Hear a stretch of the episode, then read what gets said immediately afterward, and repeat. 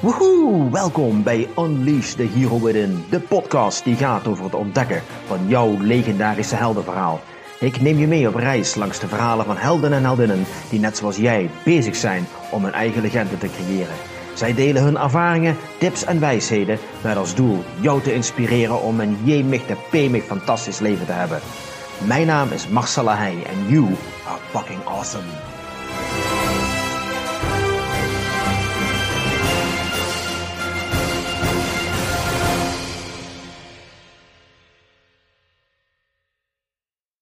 Goedemiddag, welkom, of goede ochtend, goede avond, wat het ook is voor je. Welkom bij een nieuwe aflevering van Unleash the Hero Within.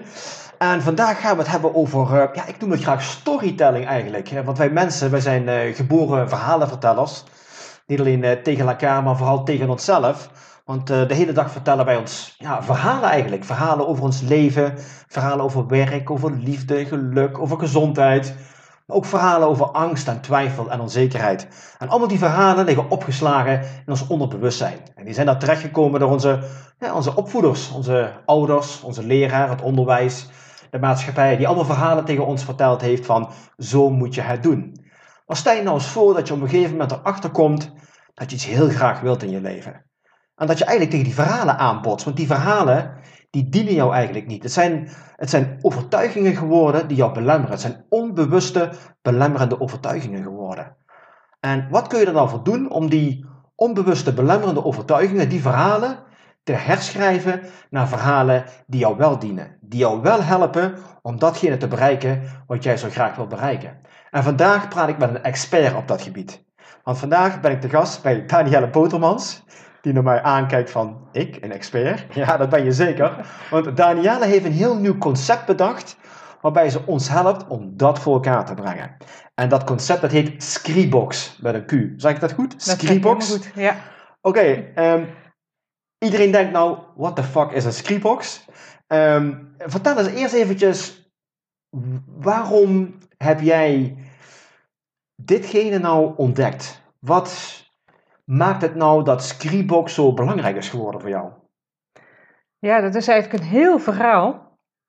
Uh, want uh, Scribox, en toen heet het nog niet Scribox, maar de techniek die onder Scribox ligt, ben ik al heel lang geleden tegengekomen, eind 2013 al, op een Japanse site. Um, en ik vond het gewoon ontzettend leuk, omdat het gebaseerd is op schrijven. Daar vertel ik dadelijk wel meer over.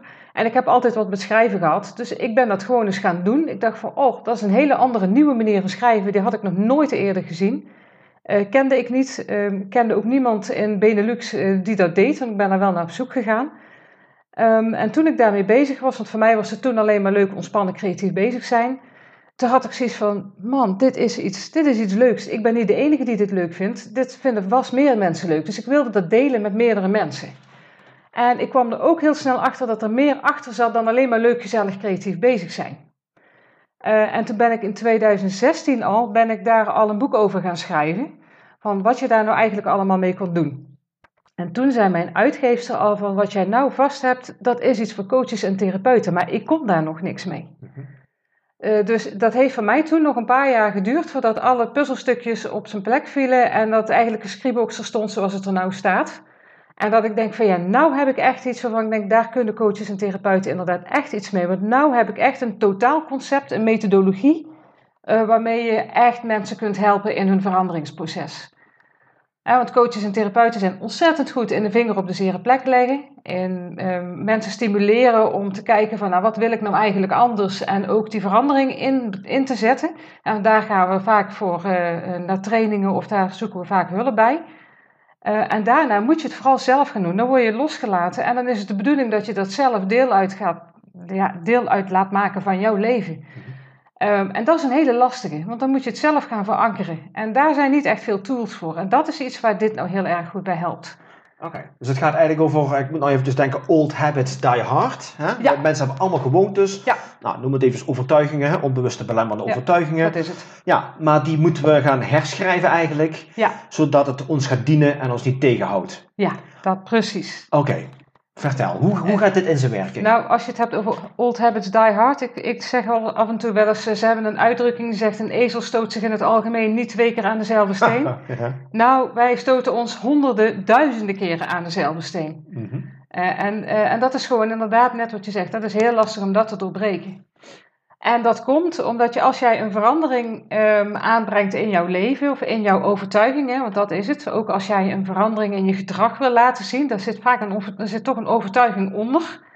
Um, dan, en, en je zet dat in gang, dan maak jij een nieuwe verbinding in je hersenen aan die nieuwe verbinding, ja, dat is natuurlijk heel nieuw en die is nog heel pril. Dat is, als je nou als, eh, als ontdekkingsreiziger zeg maar, door de jungle heen gaat, moet je je voorstellen dat je met zo'n uh, zo'n zo'n ruig hakmes een, een paadje gaat uh, hakken in de jungle.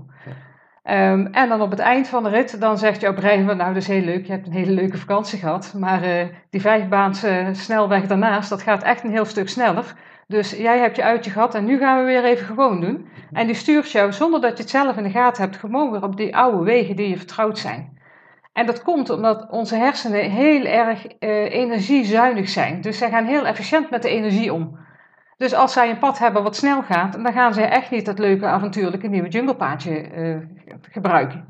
Dus waar, wat er, waar het om gaat is dat je zo snel mogelijk dat nieuwe junglepaadje breder maakt. Uh, dat je dat gaat verharden. Dat je ervoor zorgt dat daar al die aandacht naartoe gaat. Zodat die oude snelweg, dat daar de scheuren in komen. Dat daar het onkruid overheen gaat woekeren. En dat het nieuwe paadje heel snel die nieuwe snelweg wordt. Okay. En ja, ik weet niet of jij je nog kunt herinneren toen je voor het eerst zwemles kreeg of autorijles ik, stapte niet zo in de auto en reed weg, zeg maar. Dat was echt uh, stoom uit de oren, ja. zweten in de handen. Uh, Klopt. Dat was echt, dat, was, dat waren heel veel lessen die nodig waren om dat nieuwe gedrag, om al die dingen waar je allemaal aan moet denken, om dat helemaal in te laten slijten in jouw nieuwe gewoonte. En dat is eigenlijk wat je hier ook doet. En daar is herhaling, herhaling, herhaling voor nodig. En dat vinden we vaak gewoon stront vervelend ik heb nog geen tool gevonden die dat op een leuke manier kan doen, totdat ik dit tegenkwam. En met Scribox kun je dus op een leuke, luchtige, creatieve manier wel die herhaling heel vaak doen, waardoor je dus dat nieuwe paadje heel snel al verbreedt en al stevig maakt. Waardoor je dus minder snel die terugval krijgt. Oké, nou dat klinkt heel goed, want ik weet zeker, ik, bedoel, ik ken niemand die dit niet graag zou willen doen. Want we lopen allemaal over, over die, eh, die vijfbaan snelweg. En we weten eigenlijk wel diep van binnen dat paadje in de jungle moeten we gaan belanden om in het beloofde paradijs terecht te komen. Maar inderdaad, hè, we vallen heel snel terug op die, op die autosnelweg, omdat we geen zin hebben om dat junglepaadje te gaan bewandelen. En jij zegt net, het is op een, op een leuke, luchtige manier, creatieve manier, kunnen we ineens dat junglepad gaan creëren. Ja. Nou, dat, dat klinkt, uh, klinkt heel erg goed. Vertel verder. Ja, nou, waar het, en het is natuurlijk, uh, ja, het nadeel van de podcast is dat ik het de luisteraar niet kan laten zien. Ja. Omdat het zo'n nieuw concept is, is het eigenlijk iets wat je even moet zien. Uh, maar wat je doet is, je, je gaat eigenlijk schrijven en je gaat een herhaaldelijk, ga je die nieuwe overtuiging opschrijven. En dan hoor ik mensen al denken van, oh jee, dat is een beetje als het strafwerk vroeger op school. ja. uh, hè, want dan moest je ook heel herhaaldelijk je nieuwe zinnetjes uh, uh, elke keer schrijven. Nou, ik heb dat laatst eens gevraagd in de groep, van wie weet er nog wat hij toen de tijd als strafwerk heeft moeten schrijven. Nou, iedereen vond het strontvervelend, maar iedereen weet ook nog wat hij toen heeft moeten schrijven. Dus het werkt wel. Okay, ja. um, alleen wat je hier doet, is je schrijft niet zomaar, maar je schrijft in het rond, in cirkels, vanuit het midden naar buiten toe. Dus uiteindelijk krijg je een rond iets. En als schrijvend maak je een symbool, een afbeelding. Ik vergelijk het wel eens met handlettering, wat op het moment heel erg hot is. Bij handlettering, je ziet die hele mooie menus zie je wel eens bij de restaurants hangen, die met de mooiste... Kalligraferen eigenlijk. Ja, ja dat is inderdaad zoiets, ja. Nou, kalligraferen, dat is nog wel echt schrijven, maar handlettering, dan teken je hele mooie letters, vaak in hele verschillende lettertypes. Hè. Ik, heb, ik heb daar een uh, voorbeeldje staan bijvoorbeeld. Um, maar hier teken je geen letters, maar schrijf je afbeeldingen. Je schrijft afbeeldingen? Je schrijft afbeeldingen. Oké. Okay. Um, toen ja. ik jou net hoorde vertellen, je gaat regelmatig een, een zin herhalen eigenlijk. Dan ja. moet ik meteen denken aan uh, affirmaties. Ja, dat klopt. Ja, dat is ook dingen opschrijven eigenlijk. Maar is het bij jou zo dat je één zin continu herhaalt? Of een aantal woorden? Ja, ja dat, nou, dat ligt er een beetje aan, want er zijn verschillende toepassingen. Maar als ik het heb over het verankeren, waar ik, waar ik dan in eerste instantie nou over heb, ja, dan, is het, uh, dan zijn het of een paar krachtwoorden of een, een, een, zinnetje wat je inderdaad constant herhaalt. Oké. Okay. Kun je het eens praktisch maken? Kun je eens ja. een voorbeeld noemen van een overtuiging die iemand heeft, die die graag wilt herschrijven naar een overtuiging die hem wel dient? Ja, ja. nou dat kan van alles zijn. Het kan bijvoorbeeld zijn van uh, uh, ik ben niet, niet waard of ik kan niet succesvol zijn, maar ik ben wel succesvol. Mm -hmm. Of uh, uh, iemand die wat zwaar in het leven staat, die zegt, ik, uh, die meer plezier wil hebben, ik heb, ik heb lol in het leven. Nou geloof ik, heb een keer gelezen dat affirmaties werken alleen als jouw brein ze daadwerkelijk gelooft. Dus stel je voor, je bent echt heel neerslachtig, je zit echt in de put, je voelt je dus echt niks waard. En je gaat dan opschrijven, ik ben wel wat waard. Dat jouw brein zegt, ja leuk en aardig, maar daar ga ik niet mee. Nee, dat klopt, want dat is een stukje, eh, dat, dat is ook dat stukje frustreren en, en saboteren wat het brein ook doet. Ja. ja. want het is ook vaak, het is vaak niet dat je niet wil, maar ons brein is zo goed in ons saboteren dat we het zelf niet eens in de gaten hebben. Uh, dus, en, en dat is ook, ze zeggen af en toe wel eens fake it until you make it. En soms is dat bij dit ook wel zo. Als je echt zoiets hebt van ik wil dit echt veranderen, uh, maar ik vind het nog heel lastig om het te geloven. Hè? Zo van verstandelijk, rationeel weet ik het wel, maar ik doorvoel het nog niet helemaal. Nou, door het heel vaak op te schrijven uh, en dat te blijven doen, gaat dat wel steeds meer komen. En dat is voor sommige dingen is dat makkelijker dan andere. En niet alles zal in één keer. Uh, ik heb er zelf meer dan 60 gemaakt al. Soms heb je ook diepere lagen. Hè? Is het eerst het ene zinnetje en ga, kom daarna dient het volgende zich weer aan. Um, maar het mooie hier is eh, affirmaties of eh, mantra's, die zeg je vaak hardop. En wat je dan doet, is je werkt met woorden en je zegt ze hardop. Dus het is alleen je auditieve stuk wat eigenlijk daarmee geactiveerd wordt. Als jij helemaal visueel bent, dan kan dat een hele lastig zijn. Dan kun je daar waarschijnlijk minder mee. Nou, door het te schrijven, dus je schrijft met woorden, dus je auditieve deel wordt nog steeds uh, geactiveerd. Maar je bent ook aan het schrijven, dus het, je, je, het, doen, het, het doen, het kinesthetische wordt geactiveerd. Plus je maakt ook nog eens een keer een symbool of een afbeelding. Dus visueel word je ook nog eens een keer getriggerd. Dus het verankert echt op alle niveaus, ongeacht waar jouw voorkeur ligt. Het zit er altijd in.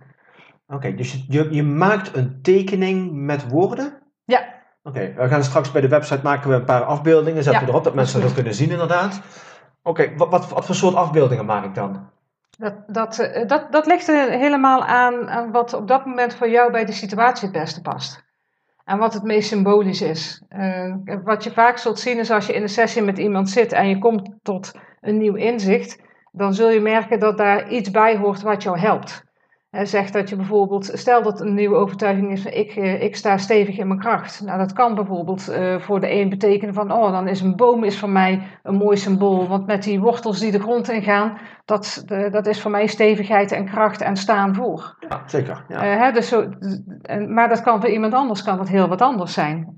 Hè, als ik bijvoorbeeld een vlinder kijk, een vlinder kan, voor de een zal dat licht en luchtig en speels zijn. Voor de ander zal dat transformatie zijn, voor weer een ander zal dat zijn loslaten. Dus dat ligt een beetje aan wat bij jou past. En dat is iets waar je natuurlijk samen met jouw coach daarna op zoek gaat. Uh, aan wat ook in Scriptbox ook meegenomen wordt. Er zijn heel veel schablonen straks verkrijgbaar. Waar heel veel symboliek in zit. Waar je gegarandeerd iets gaat vinden wat jou, uh, wat jou aanspreekt en wat je kunt gaan gebruiken. Oké, dus even, als ik even uh, tot nog toe samen kan vatten. Een coach constateert ergens een overtuiging die jou niet dient. Dan gaan we op zoek naar een, uh, een positieve affirmatie eigenlijk. Ja? Mm -hmm. Dus dan komt een nieuwe krachtzin of een krachtig woord uit. Vervolgens hebben we een assortiment van afbeeldingen waar ik uit kan kiezen. En ik kan op basis van mijn gevoel, intuïtie spreekt mij iets aan. Bijvoorbeeld die boom. Ja. Dus ik ga zeggen van oké, okay, ik wil me krachtiger voelen en ik heb die boom uitgekozen. Nou, logische reden. Hoe dan? Ga ik een boom tekenen met zinnen of hoe moet ik dat zien? Uh, nee, je gaat schrijven. Dus uh, je, je, gaat de boom opzetten uh, op papier. Hè? En dat, dat kan zijn dat je zelf ontzettend goed kunt tekenen. Dan maak je het zelf. Maar ook mensen die niet kunnen tekenen, maakt helemaal niet uit. ik heb voldoende voorbeelden straks ter beschikking die gewoon rechtenvrij voor mensen dan gebruikt kunnen worden. Mm -hmm. Dan trek je ze gewoon over, want het gaat om het schrijven. Okay. bijvoorbeeld, mijn, mijn dochter heeft laatst een sessie gehad en zij heeft gewerkt met paarden. Zij was bang voor paarden. Dus voor haar uh, was een paard het symbool voor haar voor de transformatie die zij tijdens die sessie heeft, uh, heeft doormaakt. Dus ja, zij, voor haar was het logisch om met een paard te gaan werken. En dat stond voor haar voor de transformatie van bang zijn voor de dood en bang zijn voor verlies naar voluit mogen leven. Ja, een geweldige mooie transformatie natuurlijk. Ja, absoluut, ja. Waar je eerst gewoon bang was voor een paard. En dan ineens datzelfde paardsymbool staat voor het voluit mogen leven. Wow. Ja, voor, voor iemand anders is dat iets totaal anders. Bij haar was het toevallig dat, omdat ze een keer een akkefietje met een paard heeft gehad. Ja. Maar iemand anders, die, die zal zo'n zo'n transformatie, zal er een heel ander symbool bij hebben. Ja. En waar het om gaat, is dat je iets vindt waarvan je denkt van ja, visueel zie ik dat straks. En dan krijg ik die trigger weer van, ah ja, ja want dat is wat er onbewust gebeurt. Maar het gaat niet, het gaat niet om het tekenen of, of wat dan ook. Het gaat om het schrijven. Dus je, je zet zeg maar je afbeelding zet jij heel dun op papier op. En vervolgens ga jij vanuit het midden ga je schrijven. En elke keer als jij op een gegeven moment een lijntje van een afbeelding tegenkomt, het is net een beetje als inbreien, dan pak je een andere kleur pen of potlood en dan schrijf jij verder, waardoor van binnenuit echt de afbeelding gaat ontstaan. Dus je moet hem ook echt helemaal afmaken, want anders, anders ontstaat die afbeelding niet. Dus je volgt niet de contouren van de afbeelding. Oké, dus begin, oké, stel je voor even dat voorbeeld van het paard. Ik krijg dan een, een, een groot stuk papier eigenlijk waar de buitenlijnen op staan van een paard, in dit geval. Ja. Mhm. En ik begin vanuit het midden van dat paard, schrijf ik, schrijf ik die zin op. Ja, en dan ga je inderdaad van het binnenuit naar buiten, ga jij gewoon dat zinnetje, hè, dus in het geval van mijn dochter was er dan ik leef voluit. Ja. En op het moment dat jij een, een, een uh, rand van het paard tegenkomt, ja, dan pak je, noem wat, kom je de lucht tegen, pak je blauw of wat dan ook, welke kleur je ook gekozen hebt. En je kunt zelfs zo ver gaan dat je ook nog eens een keer met de kleuren heel bewust aan de slag gaat, dat dat ook nog eens extra helpt. Dus de, de, de, in, in de toolbox zit, dus eh, de toolbox is ook echt een fysieke toolbox. Het is echt een doos waar alles in zit wat je nodig hebt. Dus om te beginnen een schrijfblok. Ja, bij de Bruna of waar dan ook, welke uh, kantoorboekhandel die je ook neemt, uh, hebben ze heel veel schrijfblokken, maar helaas niet in het rond. Het zijn allemaal rechte lijntjes. -huh. dus die hebben we zelf moeten ontwikkelen. um, dus dus je, je, je, hebt een schrijfblok waar lijntjes op staan, die zijn heel dun. Dat als jij geschreven hebt, dan zie je die eigenlijk niet meer, dan vallen die gewoon weg. En vervolgens leg je daar gewoon, uh, je, ja, daar, daar, schrijf je, daar teken je eerst je tekening in en daar ga je gewoon inschrijven. En al het materiaal wat je nodig hebt zit in die toolbox. Je pennen, je potloden, maar ook voor de coaches uh, en de trainers die daarmee aan de slag gaan, ook wat kaartensets om te helpen, om mensen te helpen in dat, naar dat pad van wat is nou de beste zin? Wat zijn nou de woorden waar, die ik nou wil opschrijven? Wat zijn nou de beelden die mij gaan helpen? En als je, hè, dus er zitten bijvoorbeeld twee kaartensets bij. Eén is gericht op alleen maar beelden, zijn puur foto's, maar er zitten wel alle emoties in die je kunt bedenken. Um, en een andere set is uh, echt, dat zijn allemaal woorden waarmee je kunt gaan, gaan schuiven. Maar die woorden zijn ook nog eens een keer gekoppeld aan kleur. Nou, je hebt een, een tijdje geleden een podcast gehad met Marielle Veerbeek. Die heeft mij geholpen om al die woorden te koppelen aan de psychologie van kleur. Dus dat je zelfs dat ook nog mee kunt nemen. Van, hè, het voorbeeld wat ik net noemde, wil jij meer plezier in je leven? God, ga dan oranje nemen bijvoorbeeld. Ja, ja, ja, ja, in de schrijven. En, en vind je dat een kleur waar je echt moeite mee hebt, pak dan een klein stukje daarin. Dat in elk geval de kleur een beetje terugkomt. Het hoeft niet, maar het kan wel allemaal helpen. Ja, kleine beetjes die helpen, ja. Ja, dus zo, zo kun je eigenlijk een totaalbeeld maken waar gewoon, uh, waar jouw ratio dus aangesproken wordt. Want je bent met woorden bezig. Waar jouw intuïtie aangesproken wordt en, en je emoties, want je werkt met, met, ja, met beeld in combinatie met kleur. Dus dat werkt heel erg op je emoties. Uh, waar jouw lijf meedoet, want je bent daadwerkelijk een schrijver, dus je motorisch geheugen wordt ook nog eens uh, uh, in gang gezet. Dus het is echt op alle vlakken, ja, word je gewoon eigenlijk gestimuleerd om dit te verankeren. Huh. Apart. Ja. Maar dan ontstaat er eigenlijk een soort kunstwerk. Ja. En nogmaals, ik zet een paar voorbeelden op de website straks, als, als je het tenminste goed vindt. Ja, hoor. Daar ontstaat dus een soort kunstwerk met, van een afbeelding.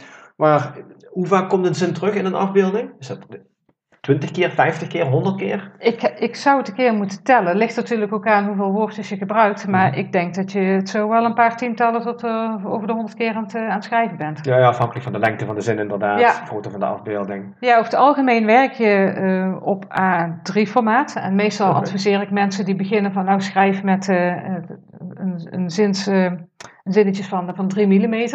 Daar, daar kan bijna elk handschrift pas daarin. Maar ik schrijf zelf bijvoorbeeld vrij klein. Dus ik schrijf op 2 mm.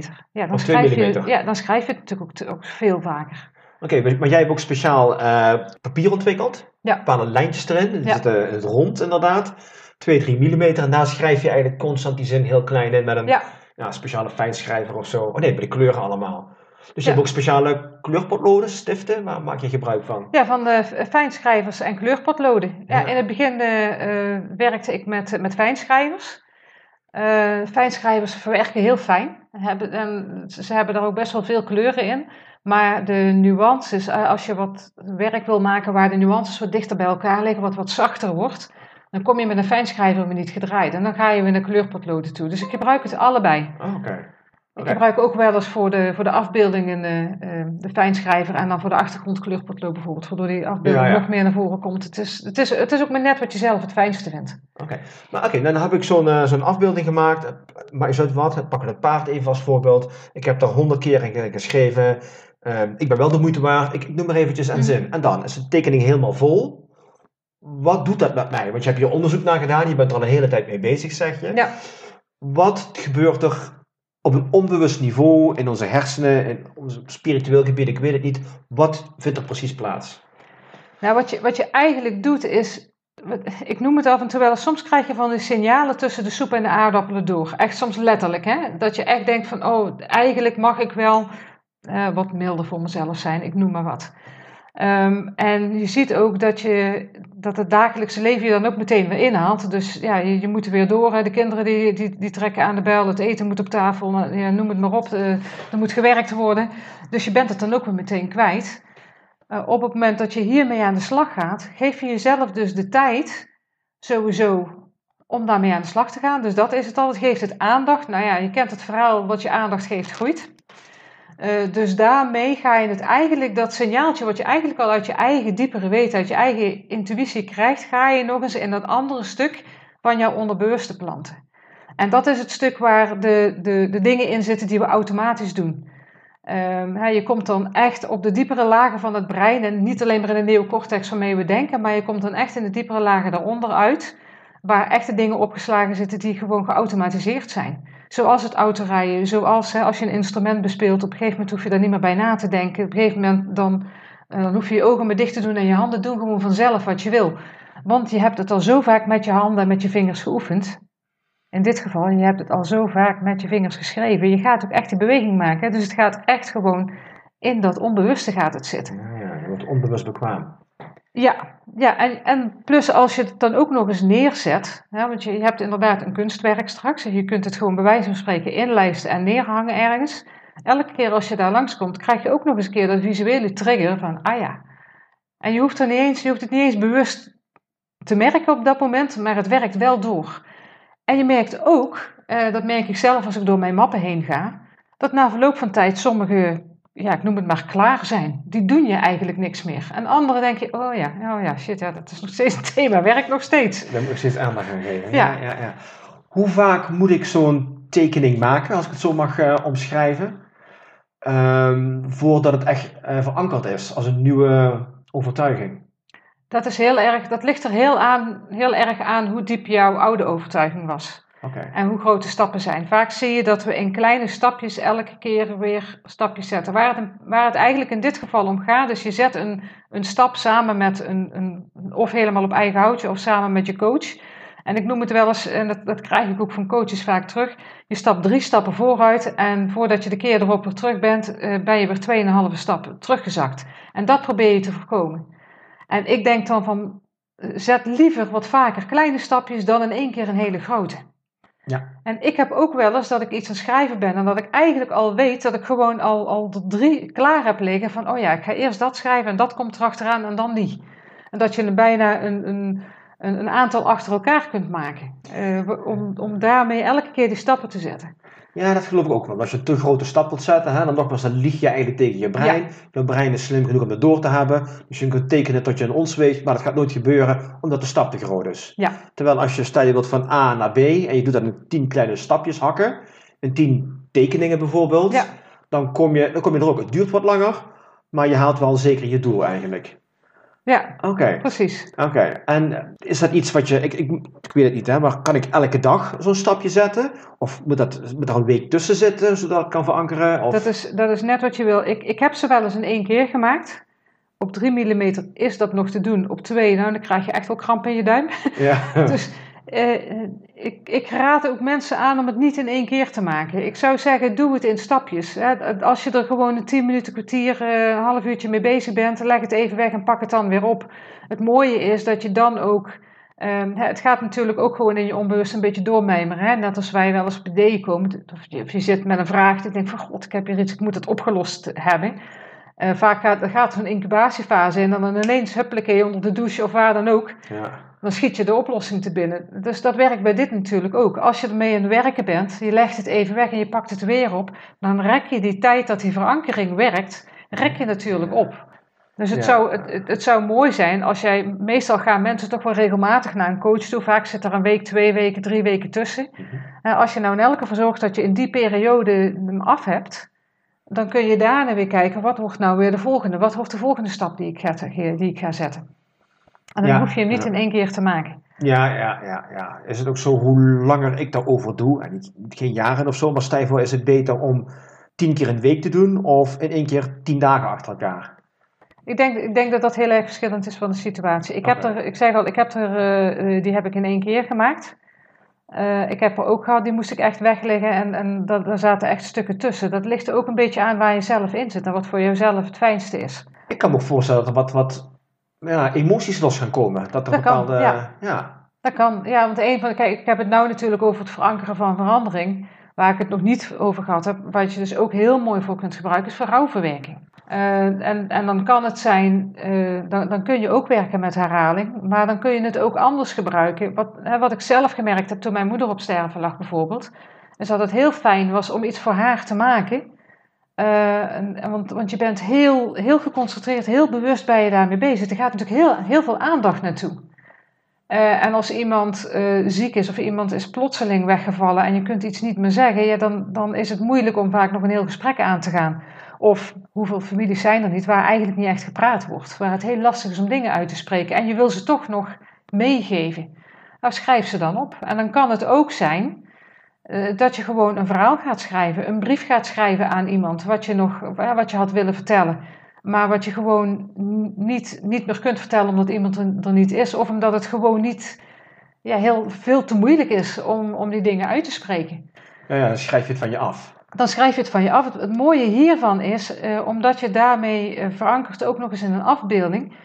Um, nou goed, jij, jij hebt inmiddels wat voorbeelden gezien. Als jij het zo ziet, je kunt het niet meer teruglezen. Je moet er al echt je moet er al een scan van maken en het, en het opblazen om te kunnen zien wat erin staat. En dan nog. want de witregels tussenin zijn weg en de tekst zit helemaal tegen elkaar aan. Dus je hoeft ook niet bang te zijn dat iemand. Je kunt dus toch een boodschap meegeven die heel persoonlijk is, zonder dat je bang hoeft te zijn dat het teruggelezen kan worden. Want je ziet heel vaak dat mensen iets opschrijven en het vervolgens verbranden. En het dan weer opschrijven en het dan weer verbranden. Of uh, mijn dochter, die zet het in de telefoon en dan gooit ze het weer weg. Die is soms hele brieven aan het schrijven naar oma.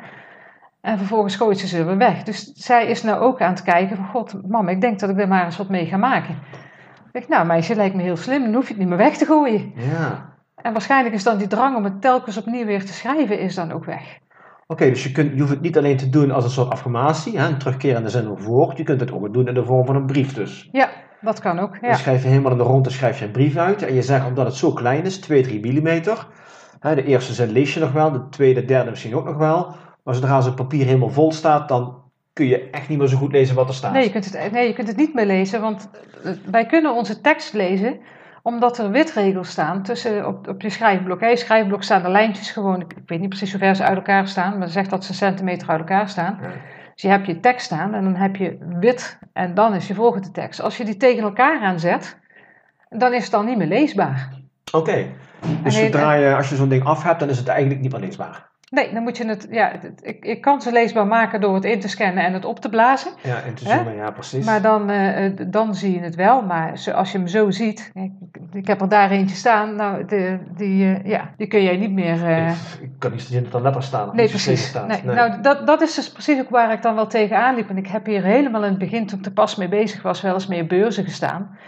En mensen liepen dan voorbij en als ik dan aan het uitleggen was wat ze dan zagen, dan kon ik honderd keer zeggen van dat is geschreven. En mensen bleven gewoon keihard zeggen, oh ja, dat heb je mooi gekleurd. Ik echt denk van, is toch nou? het is niet gekleurd. Het, het zit niet in ons referentiekader om afbeeldingen te schrijven. Dus, dus mensen zien het ook niet. Nee, dat is ook niet de bedoeling om het terug te lezen. En nee, dat hoeft ook helemaal niet. Ik heb het, uh, en ik heb het laatst zelf ook gemerkt. Uh, ik, ik, liet jou er net eentje zien, ja, de, de luisteraar kan het dan niet zien.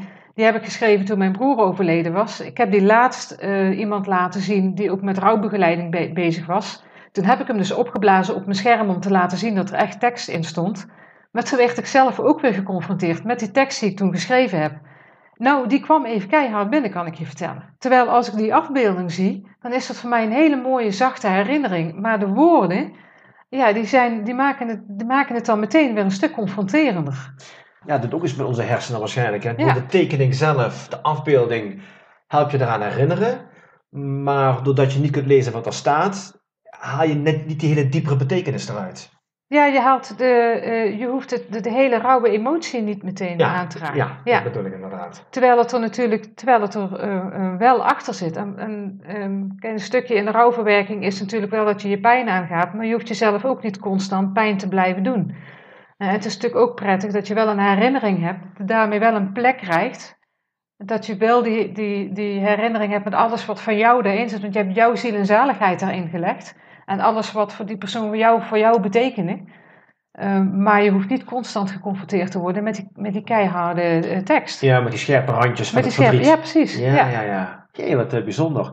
Heb je nog meer toepassingen daarvoor ontdekt? Want je hebt al twee elementen uitgehaald. Ja, het bedrijfsleven. Oh, ja. Vertel. Dat, dat, dan, uh, dan, gaan we niet meer, dan praten we niet meer over A4'tjes en, en werken met pennen natuurlijk. Dan, dan moet je een andere vorm gaan denken, maar de, de techniek is hetzelfde. Maar wat je in bedrijfsleven vaak merkt, is dat veranderingen daar heel erg tegen weerstand stuiten. Nou ja, goed, als je snapt hoe het brein werkt, wat ik net vertelde, dan snap je waar dat vandaan komt. Mhm. Maar wat je ook ziet, is dat je natuurlijk als, als management um, bij je regelmatig aan denken van waar wil ik nou eigenlijk met mijn bedrijf naartoe?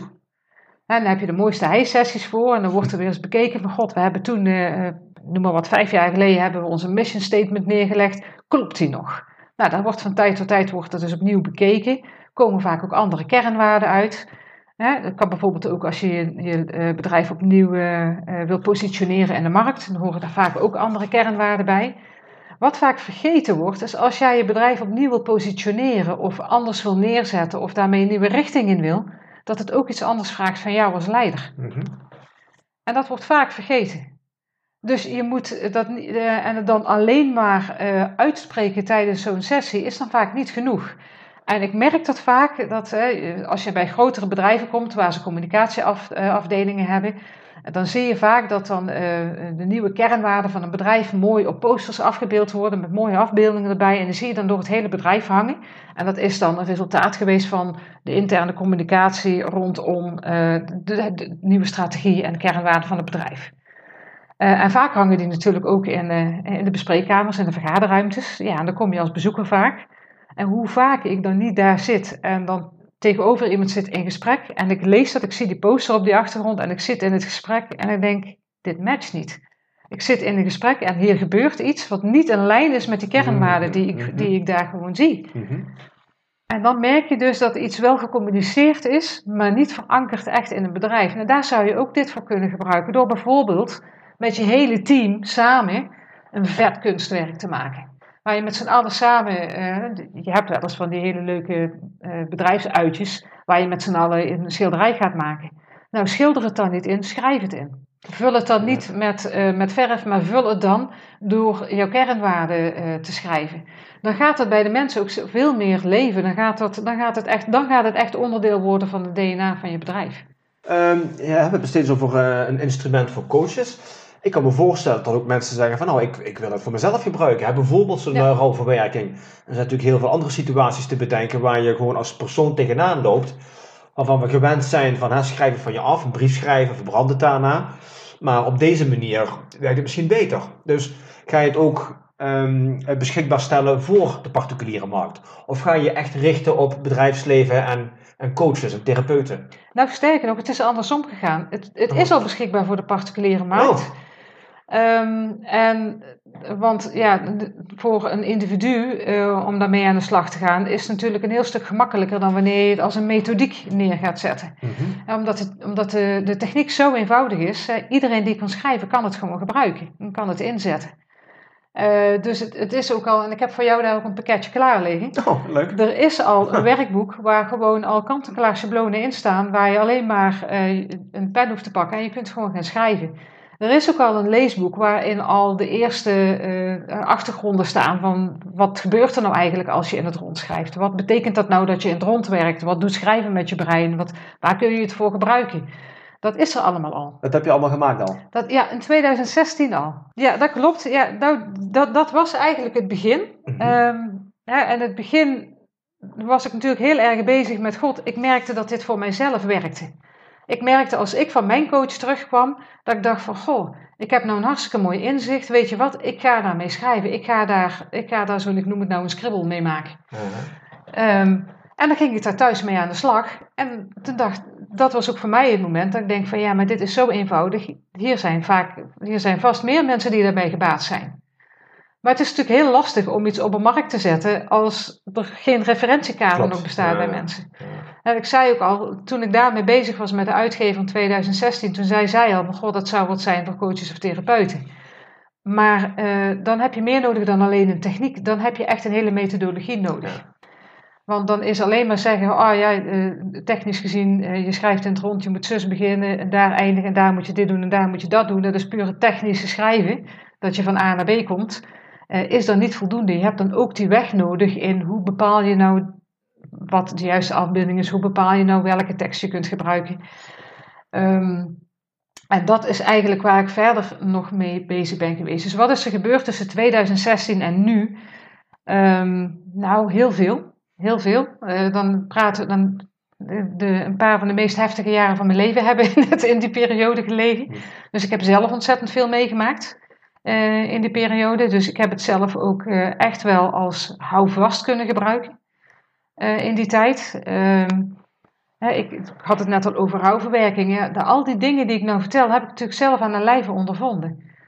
Ik ben zelf gewoon maar intuïtief aan het schrijven gegaan toen mijn moeder op sterven lag. En kwam erachter, verdomd, hier werkt het ook al voor.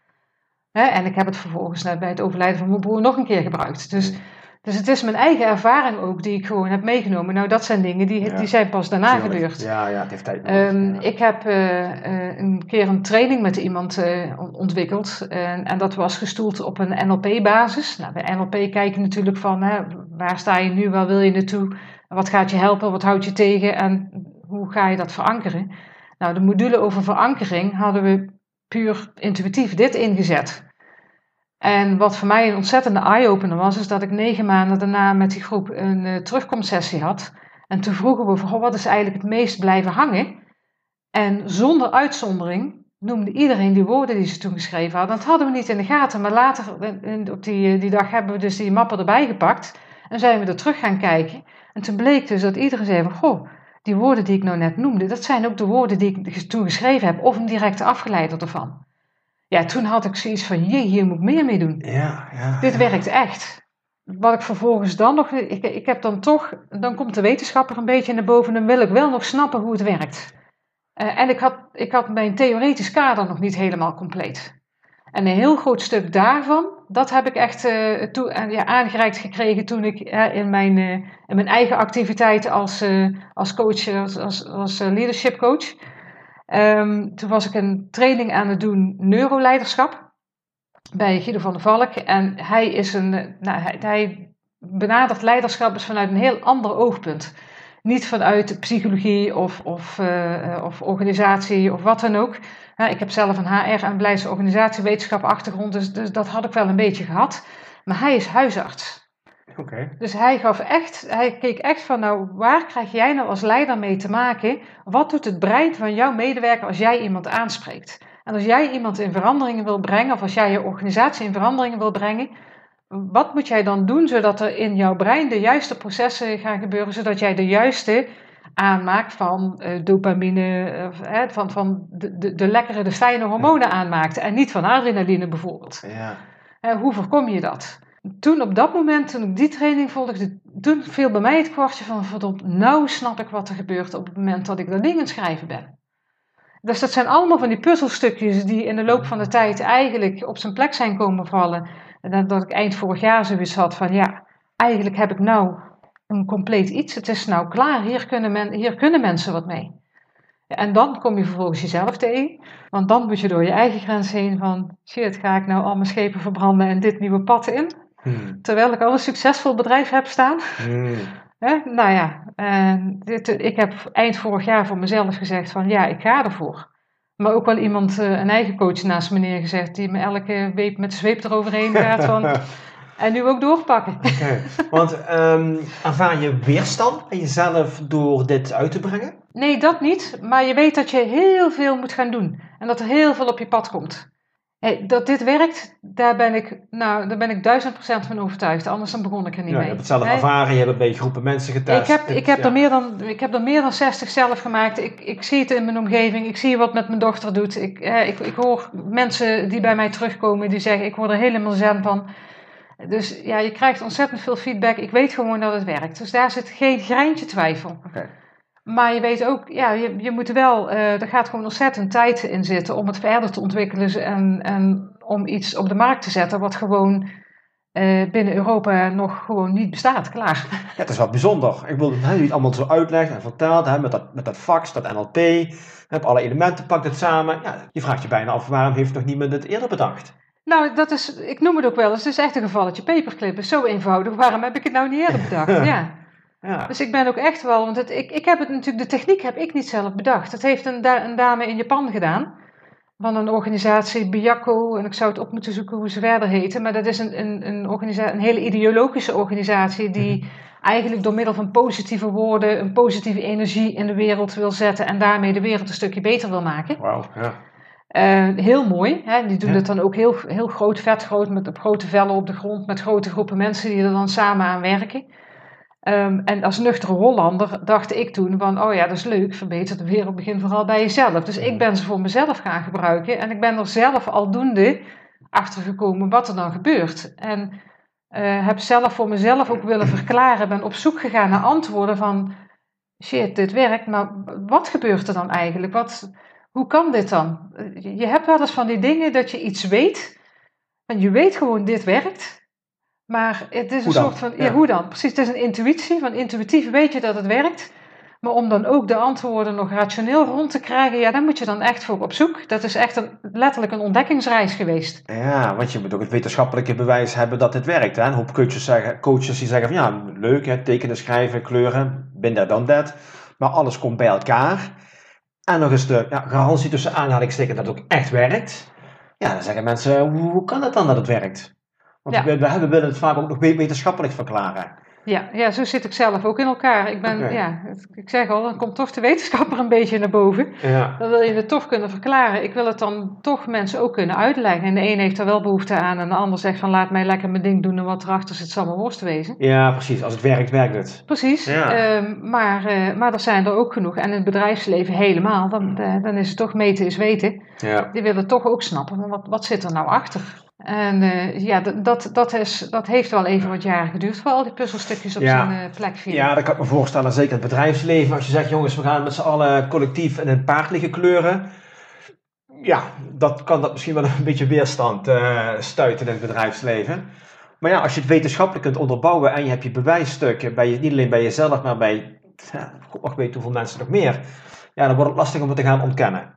Ja, en dat is wel wat, wat ik inderdaad van iedereen terugkrijg. Van god, het, het is zo logisch, het klopt als een bus. Uh, niemand twijfelt eraan dat het werkt. Het is alleen, past het bij jou? Hè? Kijk, niet elke coach uh, vindt dit passen in het aanbod wat je hebt. Hè? Iedere uh, goede coach, therapeut, trainer heeft een heel arsenaal aan technieken en een heel instrumentarium natuurlijk, waar je gebruik van maakt, afhankelijk van hoe jij in elkaar zit en wie jij tegenover je hebt zitten en wat je wil bereiken. Ja. Uh, en een one size fits all, daar geloof ik niet zo in. Nee. Uh, dus het is toch van, past iets bij iemand en dan zet jij een aantal technieken in. En daar kan dit er eentje van zijn aan, aan het eind van jouw traject of van een trajectje. Op het mm. moment dat je iets bereikt hebt en dat wil verankeren. Ja. En verankeringstechnieken, die zijn er gewoon niet zoveel. En, en helemaal niet die het lucht en lichtig en gezellig en leuk houden. Ja, ja, precies. Dat is het, hè? Ja. En ik kan me ook voorstellen, dit nieuwe concept is natuurlijk ook weer zo'n junglepad voor coaches. Hè? Coaches zijn net mensen. Ja. Als je daar aankomt van, jullie hebben 20 smaakjes, ik heb hier smaakje 21 ja, ze moeten daar wel voor openstaan. En ook voor hun is dat weer proberen toepassen bij hun uh, klanten. Werkt het, slaan het aan, hoe zijn de reacties? Ze moeten het ook weer een nieuw trucje gaan leren tussen aanhalingstekens. En zijn ze bereid om dat te gaan doen? Ja. Dus dan komen ze ook zichzelf weer tegen. Ja, dat, dat, dat is wel zo. Dat, en dat, dat merk je ook wel. Ik merk dat ook in de gesprekken. Uh, je, er is eigenlijk niemand, ik ben nog niemand tegengekomen die zegt van nou, ik geloof er helemaal niet in. Mm maar je hebt inderdaad wel mensen die zeggen, nou ja, ik geloof er wel in, maar ik zie het voor mij niet zitten. Uh, en er komt er nog meer tegen die zeggen: Ik geloof er wel in, ik zie het ook zitten, maar gezien de huidige coronacrisis heb ik er het geld niet voor. Ja, um, hè, en gelukkig kom ik er ook heel veel tegen die zeggen: van yes, oh man, wat gaaf, dit is nieuw. Ik wil de eerste zijn die het inzet.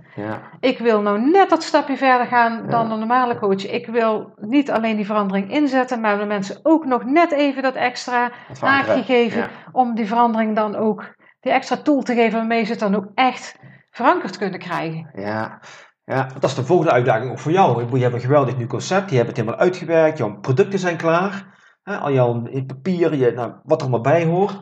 Nu mag je gaan uitrollen in Nederland. Ja. Ik kan me voorstellen dat dat ook een, een uitdaging is. Nou ja, goed, je zegt het net zelf inderdaad. Ja, dus, uh, je bent met heel veel dingen tegelijk bezig als je net met zoiets begint. Ja, ja, ja goed, we hadden het net al eventjes over het uh, merkenrecht. Want ja, dadelijk uh, hoort iemand dat die denkt, nou dat kan ik zelf ook wel, bij wijze van spreken. Ja, de techniek is, is natuurlijk simpel, heel eenvoudig. Iedereen die kan schrijven kan het. Ja, nou ja, laat ik zo zeggen. En zoals het er nou staat, daar zit natuurlijk wel een aantal jaren ervaring in. laten we eerlijk zijn, toen ik in het begin begon, uh, ben ik ook begonnen met een passer en met het uitzetten van al mijn, uh, al mijn cirkeltjes op papier en vervolgens daarmee aan de slag gegaan. Nou kan je vertellen, al die passer dingetjes maken, zoveel millimeter uit elkaar, dat ben je zo snel beu. Ja. en vervolgens heb je je passerlijntje staan en dan, dan ga je je tekening erin maken. Oh god, tekening is net niet helemaal lekker. Dan ga je gummen, weg passerlijntjes, kun je weer opnieuw beginnen. Ja. Nou, aldoende leert men. hè? Dus je, je, loopt best wel heel veel stappen door. ook van hoe zet je nou je tekening op. Want je, je gaat natuurlijk de, de, eerste cirkeltjes maken, die zijn natuurlijk heel klein in het midden. Dat, dat is best even een beetje een gebeuter. En je moet er even, zeker als je het de eerste keer doet, je moet er even inkomen. Ja. Dan is het niet handig als je ook meteen met drie verschillende kleuren moet gaan werken. dus, dus mijn schablonen houden er rekening mee dat de wisseling van kleuren nooit in de, in die eerste paar cirkels zit, bijvoorbeeld. Oké. Al, al dat soort dingen die, waar ik gewoon door schade en schande achter ben gekomen in de loop van de jaren, mm dat zit hier natuurlijk in. Ja, dat, dat ontwikkel je niet zomaar even op een achternamiddag. Dat, dat is echt gewoon trial and error. Mm En erachter komen van shit. Ja, ja. Hier, dit wil ik niet nog een keer. Nee, nee, ik kan me voorstellen dat je opstaat met, met dit concept en weer naar bed gaat met dit uh, concept. Op dit ja, moment. ja, dat klopt. Ja, inderdaad. En dan denk ik, als mensen dit gaan kopiëren en ze zeggen, god, weet je, dan denk ik, be my guest, hoe meer mensen dit gebruiken, hoe liever. Mhm. Alleen als je, ik vind het wel belangrijk als de naam Scribox eraan komt te hangen, ja, dat, dat uh, mensen gewoon uh, ook daadwerkelijk gedegen opgeleid zijn. En natuurlijk zit er nog veel meer achter dan wat ik nou even kan vertellen in, uh, in wat is het, een uurtje. Ik weet niet eens hoe lang we bezig zijn. Mm -hmm. Maar um, er zit natuurlijk nog veel meer achter. En ik vind het wel belangrijk als mensen daarmee aan de slag gaan, dat ze ook die achtergronden snappen. Want verankering is een hele sterke tool, maar je kunt er ook echt wel dingen fout mee, uh, mee doen. Je ja. wil natuurlijk niet het verkeerde verankeren. Ja, ja ik kan me voorstellen. En, en als, als ja. de naam Scribox eraan verbonden is, vind ik het belangrijk dat mensen het gaan gebruiken op de juiste manier. En hoe lang ben jij al ondernemer trouwens? Hoe lang ben je al bezig? Even niet met dit, maar gewoon... Nee, nee, als ondernemer sinds 2001 al. Dus, uh, je bent toch al uh, bijna 20 jaar ja. bezig inderdaad. Nou, dan kom je een hele hoop uitdagingen tegen, je komt jezelf tegen, je komt angsten tegen en van alles er nog wat erbij inderdaad. Wat is de grootste angst die jij ooit overwonnen hebt? Ja, ik, ik denk dat als ik het puur zakelijk zie als ondernemer, als je dat bedoelt, ja, dan is dat toch wel geweest om uh, hier echt de volle 100% voor te gaan en een heel goed lopend bedrijf met een uh, stabiel inkomen uh, vaarwel te zeggen. Mm, ja, dat is een hele uitdaging. Dat, ja. dat ken ik bij mezelf ook wel inderdaad. Ja, want de ontwikkelingsfase gaan uren, uren, uren in zitten, maar de eerste weken, maanden levert dat helemaal niks op. En dat is heel spannend. Ja. ja, dat geloof ik wel. En voor jou privé als mens, persoonlijk als mens? Mijn grootste angst die ik overwonnen heb. Ja. Um, ik denk om te gaan waar ik echt voor sta. Je komt regelmatig kom je op punten in je leven waar je denkt, ja, als ik hier nou echt doorheen wil, dan, dan ga ik een dusdanige transformatie doormaken of dan ga ik een dusdanig pad in, um, dat ik daarmee uh, alles wat ik ken en wat me lief is, en dat, dat komt op losse schroeven te staan. En dat zou zomaar kunnen zijn dat mijn omgeving daarmee gaat veranderen. En, um, en je bent daarna niet meer dezelfde die je, die je was, zeg maar. En als jouw omgeving of mensen in jouw omgeving niet gedeeltelijk mee veranderen of, of dat kunnen appreciëren, dan kun je daarmee ook mensen kwijtraken. En dat is gewoon ontzettend pijnlijk. Ja. En dat moet je echt wel overwinnen. Ik weet dat ik uh, uh, aan, een, aan een een cursus ben begonnen echt voor mijn eigen ontwikkeling in 2009. En toen ik daaraan begon, dat ik er, eh, kun je nagaan, en je, kunt, je snapt niet waarom, want ja, eh, je begint gewoon ergens aan, maar dat ik echt op een gegeven moment heb gehuild en dacht van, oh god, ik ga hier nou ergens beginnen. Ik weet dat dit een enorme impact gaat hebben. Ik ga waarschijnlijk straks niet meer dezelfde zijn als ik nu ben, als dit maar niet mijn huwelijk gaat kosten. Nee, ik ben niet meer getrouwd. Dus. ja, ja.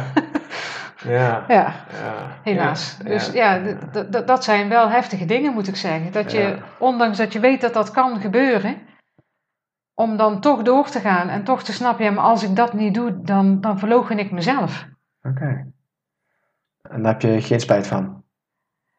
Nee, ja, nee, waar ik spijt van heb is dat ik het uh, ontzettend jammer vind dat, ja, dat het niet gelukt is om samen die weg te gaan, zeg maar. Dat, dat is dan jammer. Maar ja, ik heb daar geen spijt van, absoluut niet. Ik heb er geen spijt van dat ik dat huwelijk aan ben gegaan. Dat, uh, gelukkig kunnen mijn ex en ik het nog heel goed vinden. Er zijn twee prachtige kinderen uitgekomen. Als ik die niet had, had ik hier nou niet gestaan. kan ik je ook vertellen. Oh ja?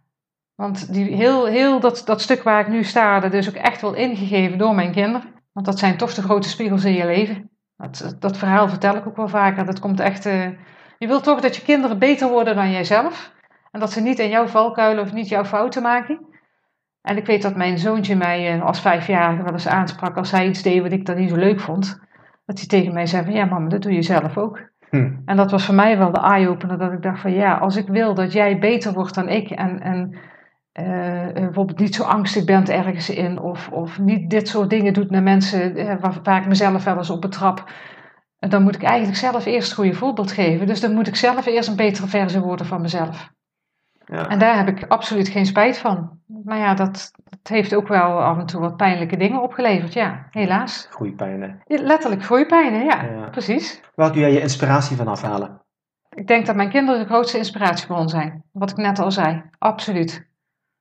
Dat is echt, uh, daar, daar zitten ook mijn grootste angsten, moet ik zeggen, maar ook mijn grootste inspiratie, absoluut. Mijn zoon is daarmee mijn grote leermeester geweest. Hij is nu uh, bijna 16, hij was 5 toen, toen ik eigenlijk het veranderproces inging. Uh, en mijn dochter is mijn grootste ambassadeur. Oh, dat is heel mooi.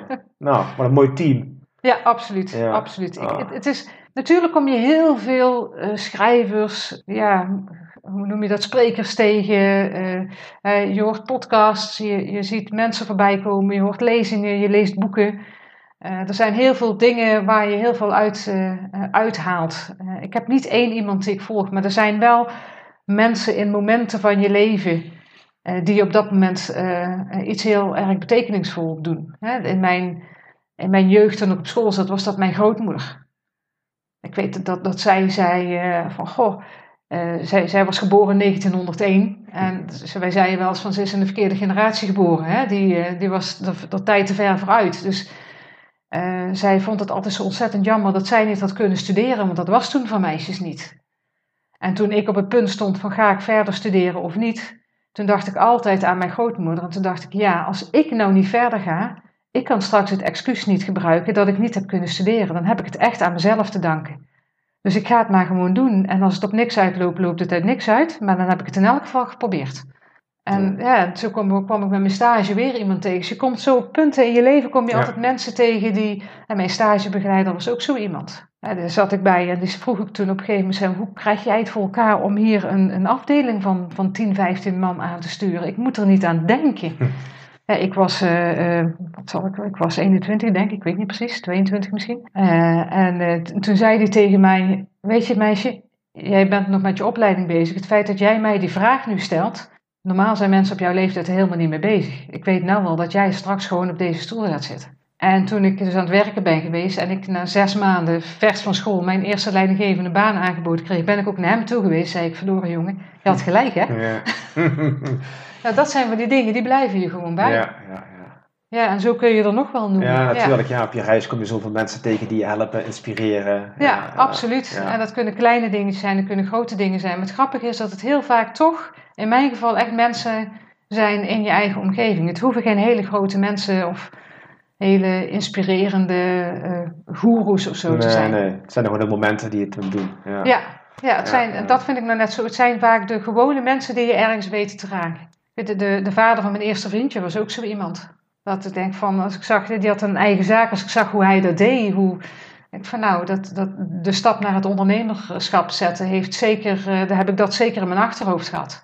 Dus die heb ik later ook nog wel eens uitgenodigd. Ik zeg, goh, weet je eigenlijk wel hoeveel jij voor mij betekend uh, hebt? Ja, ja, mooie stad. Ja. Ja, ja, Dus uh, ja, hij is er helaas niet meer, maar hij staat op de kast.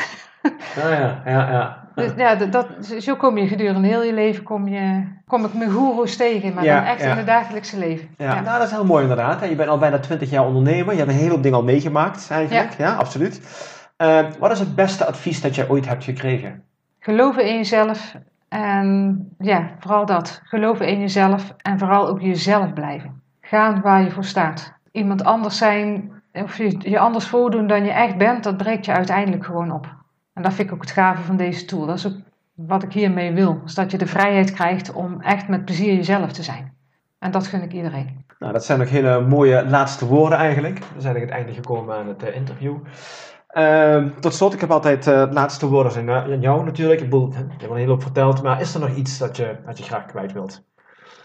Ja, ik denk dat ik in die laatste zin het wel een beetje heb samengevat. Ja, ja ik gun echt iedereen dat, dat ze die vrijheid mogen ervaren om echt met plezier jezelf te zijn. Dat gun ik echt iedereen. En dat je gewoon de mensen op je pad tegenkomt die je daarbij helpen. En vooral ook durf daar ook gewoon die hulp bij te vragen. Nou, dat is een hele mooie inderdaad. Daar sluiten we ook zeker mee af. Ik denk ook als je de moed durft te tonen om jezelf te zijn, dat je automatisch de mensen gaat aantrekken die je daarbij kunnen helpen. Dus Absoluut, uh, ja. jij moet zelf de eerste stap zetten en dan komt de rest vanzelf eigenlijk. Dan gaat je omgeving gaat vanzelf mee veranderen. Zeiden ze altijd tegen mij en kon me daar geen voorstelling bij maken. Maar het, het, is echt zo, ja. ja. het is echt zo. Nou, dankjewel. Hartstikke bedankt voor jouw tijd. Hartstikke bedankt voor het delen van jouw wijsheid en je inzichten. Ja, jij ook bedankt. ja, heel graag gedaan. Ik voor mij een nieuwe ervaring, ontzettend leuk. Nou, kijk, nou, dat is heel fijn om te horen. Dankjewel daarvoor. Uh, luisteraar, jij ook bedankt weer voor het luisteren. Ik hoop dat je net zoals mij weer uh, genoten hebt, daar een hele hoop uh, inzichten uit gehaald hebt. Op de website zal ik alle informatie zetten van de Skibox en de afbeeldingen erbij zetten, zodat je misschien een iets beter beeld krijgt wat Danielle allemaal doet. Uh, anyways, thanks for listening en tot de volgende keer. Bye bye.